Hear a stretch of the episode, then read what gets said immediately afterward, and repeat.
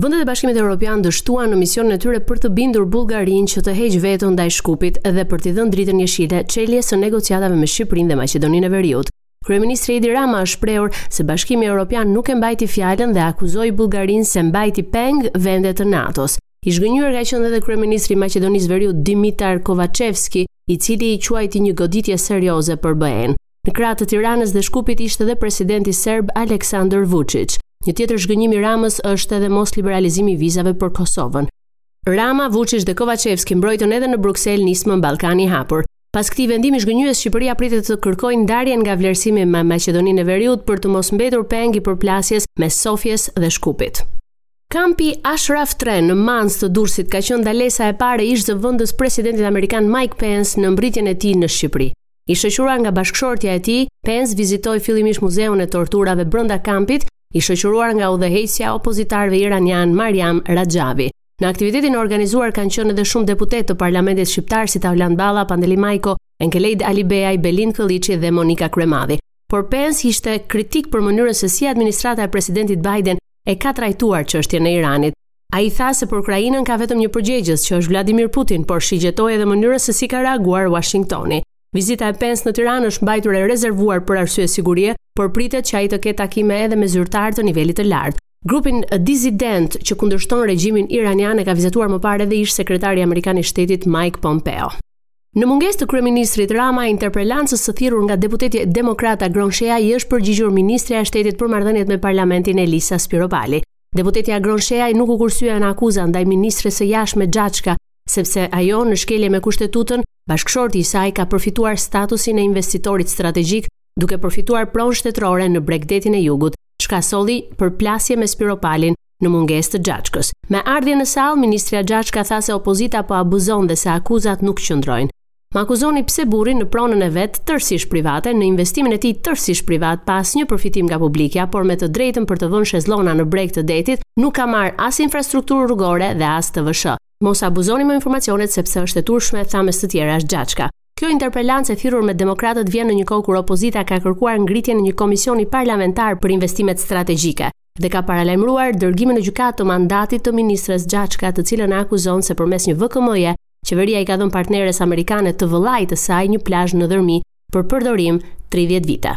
Përmes një prononcimi për mediat nga oborri i Parlamentit kreu i Partisë Demokratike Sali Berisha ka dhënë më shumë detaje sa i përket protestës që do të mbajë PD-ja më datën 7 korrik. Berisha është shprehur se protesta do mbahet në orën 19 në Tiranë dhe do të jetë e hapur për të gjithë shqiptarët. Kryetari i Partisë Demokratike njoftimin që më datë 7 korrik do të zhvillohet një protestë kundër qeverisë në Tiranë e ka bërë ditën e enjte gjatë një takimi me shoqërinë civile. Pas mbledhjes së qeverisë, ministri i Mbrojtjes Niko Peleshi ka deklaruar se është marrë një vendim historik. Ai ka dhënë lajmin e mirë se për të gjithë ushtarakët nga data një korrik do të rritet paga me 30%. marrë një vendim, i cili është një vendim që nuk merret shpesh.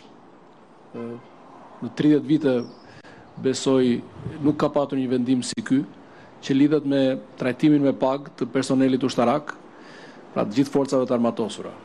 Sot kemi bërë rritjen historike të pagës dhe unë për këtë jam shumë krenar, jam shumë mirënjohës gjithashtu që Premtimi i kryeministrit sot është jetësuar në mbledhjen e Këshillit të Ministrave. Të gjithë ushtarakët, nga ushtari i parë dhe deri tek gradat më të larta, nga data një korrik, në bazë të këtij vendimi të Këshillit të Ministrave, do të kenë një pagë tridhjetë për qind më të lartë, çka do të thotë që paga minimale në Forcat e Armatosura është më shumë se pesëdhjetë e një mijë lekë të reja, shtuar këtu pastaj edhe pagesa shtesë të të trajtimit ushqimor dhe tra, dhe, dhe trajtime të tjera sipas vështirësive. Kemi miratuar edhe një aneks, një listë me rreth 38 pozicione apo struktura brenda Forcës Armatosur që marrin shtesë mbi këtë shtesën e pagës. Mund të veçoj Atë që është e para në listën e shtesave dhe që merr shtesën më të lartë është struktura ushtarake e mbrojtjes kibernetike. Përveç shtesës tridhjetë për qind, do të marrë edhe njëzet mijë lekë të reja, kuptohet, mbi shtesë mbi këtë pagë për shkak të rëndësisë që ky domain i ri, pra mbrojtja kibernetike, ka marrë sot në Shqipëri edhe në të gjithë botën, sidomos edhe pas ndryshimit të të gjithë skenës së sigurisë Mbas njëzet e katër shkurtit pra agresionit rus në Ukrainë.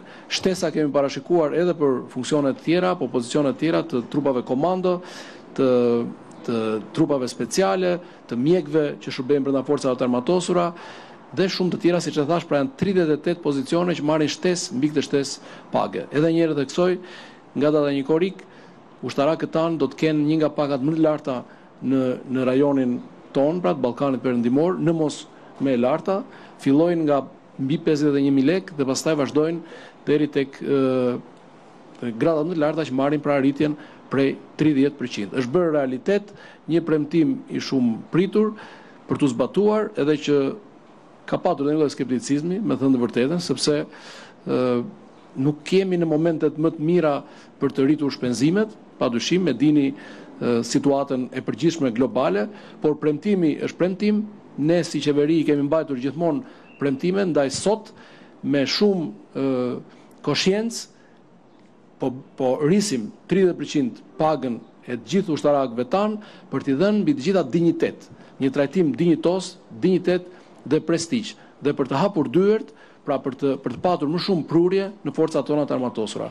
Kohët që po vijnë kërkojnë edhe më shumë vëmendje në modernizimin, por mbi të gjitha dhe në moralin e forcave të armatosura. Dhe duhet ta pranojmë që dhe shpërblimi material, pra pagat, edhe trajtimi material është i rëndësishëm për të patur një trup të motivuar. Ne jemi aktivë sot jo vetëm në në Shqipëri, por edhe në misione dhe operacione ndërkombëtare, së shpejti do të jemi edhe në në Bullgari, në krahun lindor që po përforcohet për shkak të agresionit rus, duhet thënë, kemi patur ministerialin e mbrojtjes javën e kaluar, do të kemi javën tjetër samitin e liderëve të, të NATO-s, ku do të merren vendime të rëndësishme, sidomos lidhur me konceptin e ri strategjik NATO 2030, pra zhvillime të rëndësishme këto në fushën e sigurisë dhe mbrojtjes, të cilave ne po u shkojmë pas, natyrisht me modernizim, rritje të kapaciteteve, por dhe me një trajtim dinjitoz për të gjithë ushtarakët tanë. Kështu që ë ta gëzojnë këtë vendim gjithë ushtarakët të shumë merituar edhe përveç kësaj meritojnë edhe mirënjohjen e të gjithë shqiptarëve për punën e vështirë që ata bëjnë në mbrojtjen e sovranitetit tonë, por edhe lartësimin e emrit në gjithë hapësirën e e NATO-s. Regjisorja nga Kosova Vjosa Berisha ka ndërruar jetë ditën e enjte në Londër. Bashkëshorti i saj Fatos Berisha ka lajmëruar humbjen e hidhur në rrjetet sociale, ku ka shtuar se detaje të tjera për varrimin do të bëhen më vonë. Vjosa Berisha punoi për më se 20 vite në industrinë e filmit, ku ndër projektet më të rëndësishme mund të përmendet Cirku fluturues, në të ajo ka qenë producente bashkë me bashkëshortin Fatosin, si regjisor dhe skenarist, ndërsa në The Happiness Effect ajo është shfaqur bashkëproducente me regjisorin Borjan Zafirovski. Vjosa Berisha luftonte prej kohësh me kancerin, ndaj dhe ndodhej në Angli ku vazhdonte trajtimin, një betejë që për fat të keq ajo nuk mundi ta fitonte. Raportoi nga Tirana për Radio SBS Gerda Heta.